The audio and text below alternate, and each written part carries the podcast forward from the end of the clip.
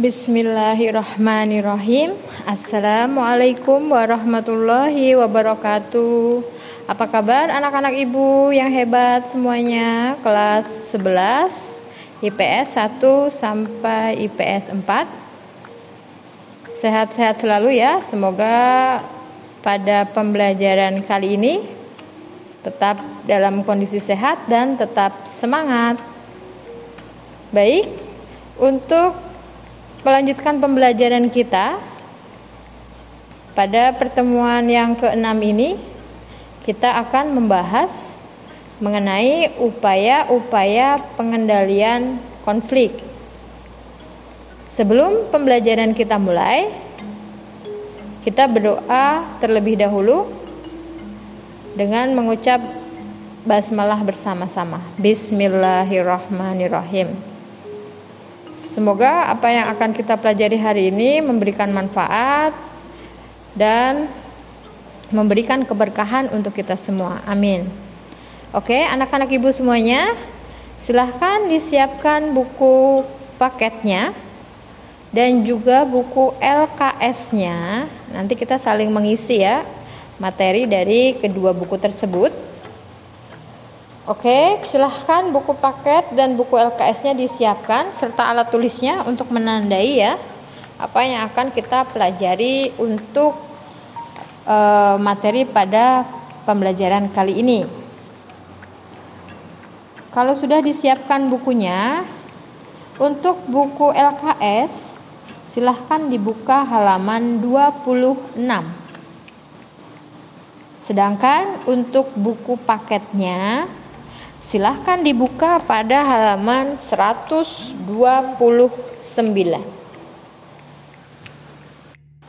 Baik, kita fokus ke buku paket terlebih dahulu ya. Di halaman 129 kita akan mempelajari upaya penyelesaian atau upaya pengendalian konflik. Ya, jadi upaya-upaya yang diupayakan uh, di sini ya adalah upaya yang digunakan untuk mengatasi berbagai macam konflik yang terjadi. Oke, untuk yang pertama di halaman 129, perhatikan di sana ada akomodasi. Untuk akomodasi itu adalah e, secara umum ya. Jadi e, kalau dibilang upaya penyelesaian konflik itu apa? Ada apa saja ya. Jadi yang dimaksud dengan upaya penyelesaian atau pengendalian konflik itu sendiri adalah akomodasi itu sendiri ya. Pengertian akomodasi adalah upaya-upaya yang dilakukan untuk mengurangi ya atau menyelesaikan atau mengendalikan adanya konflik. Jadi akomodasi ya artinya upaya itu sendiri. Jadi belum secara spesifik ya.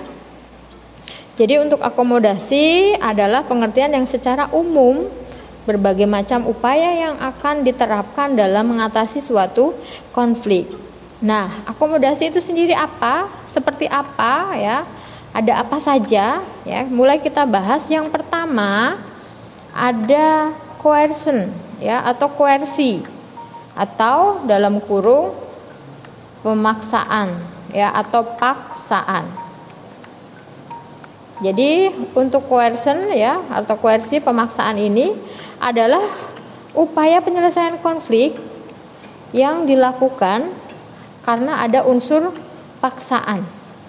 Biasanya di sini dilakukan oleh pihak yang kuat ya terhadap pihak yang lemah atau biasanya dilakukan oleh eh, pihak-pihak uh, yang mempunyai kewenangan yang lebih luas ya misalnya dilakukan oleh suatu pemerintahan ya. Itu disebut dengan akomodasi yang koersi atau koer pemaksaan ya. Coercion. Nah untuk koersi ini sendiri berkaitan dengan peraturan ya. Biasanya dilakukan ketika sudah eh, apa namanya upaya-upaya yang lebih lunak ya yang lebih baik itu sudah tidak bisa diupayakan lagi jadi dipaksa.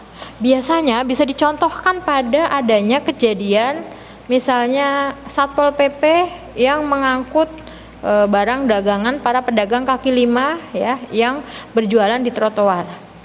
Jadi kalau kita lihat banyak kasus ya atau peristiwa yang terjadi di lingkungan sekitar kita atau kita melihat dari berita uh, misalnya ada kejadian pedagang yang diambil paksa gerobak dan dagangannya. Sebenarnya secara teknis para Satpol PP itu sudah melaksanakan uh, tugasnya dengan sebaik mungkin ya misalnya dengan ada surat pemberitahuan terlebih dahulu. Nah, ketika sudah diberi peringatan, diberi sudah uh, pemberitahuan, tetapi para pedagang masih belum uh, apa namanya mengikuti instruksi atau edaran pemberitahuan yang ada, ya terpaksa ya akhirnya diambil paksa. Itu bisa kita contohkan di uh, bentuk coercion atau upaya penyel, uh, penyelesaian konflik dengan paksaan ya. Itu contoh di coercion. Selanjutnya, bentuk akomodasi atau upaya penyelesaian konflik yang kedua ada negosiasi. Negosiasi atau biasa disebut dengan adanya kompromi. Apa itu negosiasi atau kompromi? Yaitu merupakan upaya penyelesaian konflik yang dilakukan oleh pihak-pihak yang berkonflik dengan cara memberikan atau menawarkan sesuatu ya. Kemudian e, mereka saling bisa memberi dan menerima serta apa yang menjadi tawaran mereka itu bisa menguntungkan semua pihak. Jadi bisa meredam e, adanya konflik dari kedua belah pihak ya. Jadi kompromi ini adalah suatu bentuk upaya penyelesaian konflik yang memang didasari atas keinginan dari pihak-pihak yang berkonflik. Kedua belah pihak konflik sama-sama mengadakan e, kompromi ya atau perundingan atau negosiasi. Jadi mereka menawar saling memberikan penawaran di mana penawaran-penawaran itu saling menguntungkan keduanya ya. Jadi tidak ada yang dirugikan gitu itu adalah e, bentuk dari negosiasi atau kompromi. Contohnya adalah misalnya yang sering terjadi saat ini ya berkaitan dengan e, pembatasan jam bekerja ya atau pembatasan waktu e, berjualan bagi para pedagang mengingat masih banyak maraknya pandemi ya. Misalnya e, pemerintah menerapkan e, toko ya atau mungkin tempat e, menjual makanan ya tidak menyediakan e, makan di tempat ya. Jadi ketika mereka melakukan transaksi jual beli harus dibungkus dibawa ke rumah dibawa pulang. Nah ketika ini menjadi dilema ya dalam artian bagi para pembelinya untuk e, bisa menikmati makan di tempat ya. Misalnya diadakan kompromi jadi negosiasi antara pedagang dengan pemerintah ya. Pemerintah daerah terutama. Misalnya untuk oh, ada batasan yang jadi toleransi misalnya. Kalau pemerintah menetapkan eh, sama sekali tidak boleh melayani pembelian makan di tempat ya. Harus full dibawa pulang. Tetapi ada sebagian yang eh, menginginkan makan di tempat ya lebih praktis. Kemudian eh, makanannya juga lebih eh, apa namanya baru ma matang ya jadi lebih enak lebih fresh gitu. Kemudian uh, ada semacam negosiasi ya atau kompromi dari dari para pedagang untuk menjembatani keinginan para pembelinya ya agar juga para pedagang ini bisa tetap terus berjualan. Misalnya dengan menyepakati jam untuk melayani bawa pulang ya jadi misalnya e, dari siang sampai sore itu bisa makan di tempat. Selebihnya dari sore sampai malam misalnya ya batasan waktu yang tidak terlalu malam misalnya jam 9 seperti itu e, baru untuk yang dibawa pulang. Jadi ada kesepakatan yang memang e, apa namanya e, menguntungkan kedua belah pihak. Jadi pedagang juga tidak dirugikan, pemerintah pun juga tidak merasa di eh, apa namanya peraturannya tidak diindahkan. Jadi tapi dengan syarat pemerintah juga mengajukan eh, jika makan di tempat itu ada batasan untuk eh, jumlah pengunjung ya. Jadi tidak semua kursi harus dipenuhi. Jadi berapa persen misalnya 50% dari kapasitas seperti itu. Itu adalah contoh penyelesaian untuk uh, akomodasi yang kompromi atau negosiasi. Selanjutnya, untuk upaya yang ketiga, oke, okay, untuk yang di buku paket dan LKS saling mengisi ya. Jadi untuk koersi dan kompromi di buku LKS belum ada, jadi itu bisa saling mengisi. Untuk yang sudah ada nanti tinggal ditandai aja bahwa itu sudah ada ya. Untuk yang ketiga, tapi kita patokannya yang buku paket dulu ya sebagai induknya. Oke, untuk yang ketiga ada arbitrasi atau arbitrase ya. Arbitrasi ini merupakan bentuk akomodasi atau upaya penyelesaian konflik yang digunakan untuk menyelesaikan konflik dengan cara meminta bantuan pihak ketiga yang dipilih oleh kedua belah pihak yang berkonflik di mana pihak ketiga ini sebagai pemberi keputusan yang sifatnya mengikat bagi kedua belah pihak yang berkonflik. Contoh, misalnya ada sesama siswa sedang berkonflik, bertengkar ya. Jadi sesama siswa mereka berselisih, bertengkar, berbeda pendapat yang menimbulkan cekcok. Kemudian eh, belum bisa saling untuk memaafkan ya, belum bisa saling mengakhiri konflik, maka ada pihak ketiga di sini yang posisinya sebagai pemberi keputusan ya, yaitu BK misalnya. BK sebagai pemberi keputusan yang mengikat dan dipatuhi bagi kedua siswa tersebut.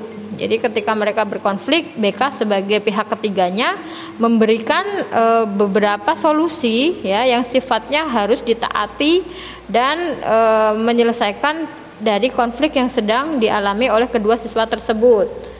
Jadi untuk arbitrasi ini memang pihak ketiganya memberikan keputusan yang harus diterima oleh kedua belah pihak karena posisi pihak ketiga yang ditunjuk itu kedudukannya lebih lebih tinggi. Jadi memang memberikan uh, hasil keputusan yang uh, berguna ya. Ya, jadi untuk kedua belah pihak yang berkonflik itu. Itu arbitrasi. Di buku LKS kalian juga sudah ada ya, sama. Jadi untuk pihak ketiga di sini biasanya diambil uh, dari yang berkonflik itu posisinya dia lebih punya uh, wewenang ya, punya kedudukan. Jadi apa yang diberikan e, dari masukan-masukan untuk yang berkonflik itu bisa ditaati dan dilaksanakan bagi yang berkonflik. Itu arbitrasi. Bedanya dengan mediasi apa? Ya, kita masuk yang keempat yaitu ada mediasi ya. Untuk mediasi ini persamaannya dengan arbitrasi adalah sama-sama menyelesaikan konflik menggunakan pihak ketiga. Jadi pihak ketiga sebagai uh, pemberi apa namanya penengah dari konflik itu sama-sama menggunakan pihak ketiganya. Tetapi bedanya adalah di dalam arbitrase atau arbitrasi pihak yang memberikan pihak ketiga yang memberikan keputusan itu sifatnya mengikat harus ditaati oleh keduanya. Sedangkan mediasi pihak ketiganya hanya sebagai penengah. Keputusan akhir untuk yang berkonflik ya tidak e, dimunculkan dari e, pihak ketiga ya. Jadi pihak ketiganya hanya sebagai penengah saja, hanya sebagai pemberi nasihat ya, hanya sebagai e, penengah, tidak mempunyai kekuatan untuk e, memberikan suatu keputusan yang sifatnya harus ditaati oleh keduanya. Bedanya di sini. Persamaannya sama-sama menggunakan pihak ketiga. Perbedaannya posisi pihak ketiga untuk arbitrasi bisa memberikan keputusan yang mengikat bagi kedua belah pihak yang berkonflik, sedangkan mediasi hanya sebagai penengah ya. Bedanya itu. Jangan sampai salah e, arti ya karena mempunyai arti yang berbeda dan bertolak belakang. Untuk mediasi yang dipakai adalah yang buku paket ya. Untuk yang di LKS itu contoh yang diberikan di mediasi dan artinya itu lebih tepatnya ke arbitrasi ya. Jadi kita revisi di sana. Jadi e, untuk yang di LKS ya sekali lagi ya LKS untuk mediasi itu lebih tepatnya diartikan di arbitrase ya. Jadi mediasi yang kita pakai adalah yang di buku LK, uh, paket itu. Jadi mohon untuk jadi perhatian bersama ya. Jadi nanti tidak ada oh tapi yang di buku ini begini Bu ya. Kita sudah luruskan di sini ya. Dalam proses pembelajaran ini sudah Ibu luruskan mana arti yang sesungguhnya ya yang sesuai jadi tidak membingungkan. Mediasi contohnya biasanya e, terjadi pada perselisihan yang sifatnya horizontal ya. Kemudian pihak ketiga ya sebagai orang yang dituakan biasanya hanya berwenang sebagai pemberi masukan yang sifatnya hanya penengah ya. Jadi tidak tidak memberikan uh, keputusan final yang harus ditaati oleh keduanya. Jadi hanya masukan-masukan saja yang sifatnya uh, disampaikan untuk mengurangi perselisihan atau konflik pada kedua pihak yang berkonflik. Selanjutnya, upaya yang kelima yaitu adanya adjudication atau adjudikasi. Adjudication ini adalah salah satu penyelesaian konflik melalui jalur pengadilan atau meja hijau ya. Adjudikasi ini biasanya untuk jenis konflik yang sifatnya pidana ya. Jadi misalnya ada konflik e, berkaitan tentang kejadian pencurian ya, yang dicuri dengan pencurinya ya. Jadi yang dicuri itu biasanya juga tidak terima karena ini sudah termasuk tindakan kriminal, maka Penyelesaian dari konflik ini bisa diselesaikan secara pengadilan karena ada undang-undangnya. Jadi undang-undang untuk e, yang suka mencuri dihukum berapa lama itu ada aturannya. Jadi untuk permasalahan atau konflik yang sifatnya pidana ya penyelesaiannya melalui jalur hukum. Misalnya juga ada e, permasalahan yang berkaitan dengan e, misalnya sebuah keluarga yang mengalami broken home ya orang tuanya bercerai ya perceraiannya itu dilakukan atau diselesaikan di jalur hukum ya. Jadi tidak hanya sebatas musyawarah. Itu contoh adanya adjudication atau adjudikasi. Jadi hal-hal yang memang sifatnya konfliknya e, melanggar undang-undang ya itu bisa diselesaikannya secara peradilan atau meja hijau. Itu beberapa upaya ya yang bisa kita e, bahas pada pertemuan kali ini. Masih ada banyak sekali macam-macam upaya penyelesaian konflik ya, upaya mengurangi terjadinya konflik. Ada banyak sekali untuk pertemuan kali ini kita bahas lima dulu. Silahkan diperhatikan baik-baik yang sudah kita pelajari hari ini ya. Untuk upaya-upaya yang lain kita lanjutkan di pertemuan selanjutnya. Untuk kuis hari ini Ibu sampaikan di Google Classroom ya di bagian forum. Jika kalian menyimak apa yang Ibu sampaikan hari ini dengan baik, pastinya akan bisa mengerjakan soal kuis yang Ibu sampaikan di sana. Ibu tampilkan dua soal ya, soal cerita di mana berkaitan dengan adanya konflik. Silahkan kalian analisis mulai dari termasuk jenis konflik apa ya pembelajaran yang sebelumnya sudah kita pelajari. Kemudian upaya apa yang bisa kita ambil ya untuk mengatasi konflik yang terjadi sesuai dengan cerita konflik yang saya hadirkan di sana. Silahkan dicermati baik-baik soalnya ada dua soal yang akan saya tampilkan di sana. Seperti biasa, Pembelajaran kita hari ini adalah dari jam 09.50 sampai jam 10.40 ya. Itu waktu kita pembelajaran hari ini. Maka kuis yang harus kalian kerjakan di sisa waktu kalian mendengarkan Spotify ini ya.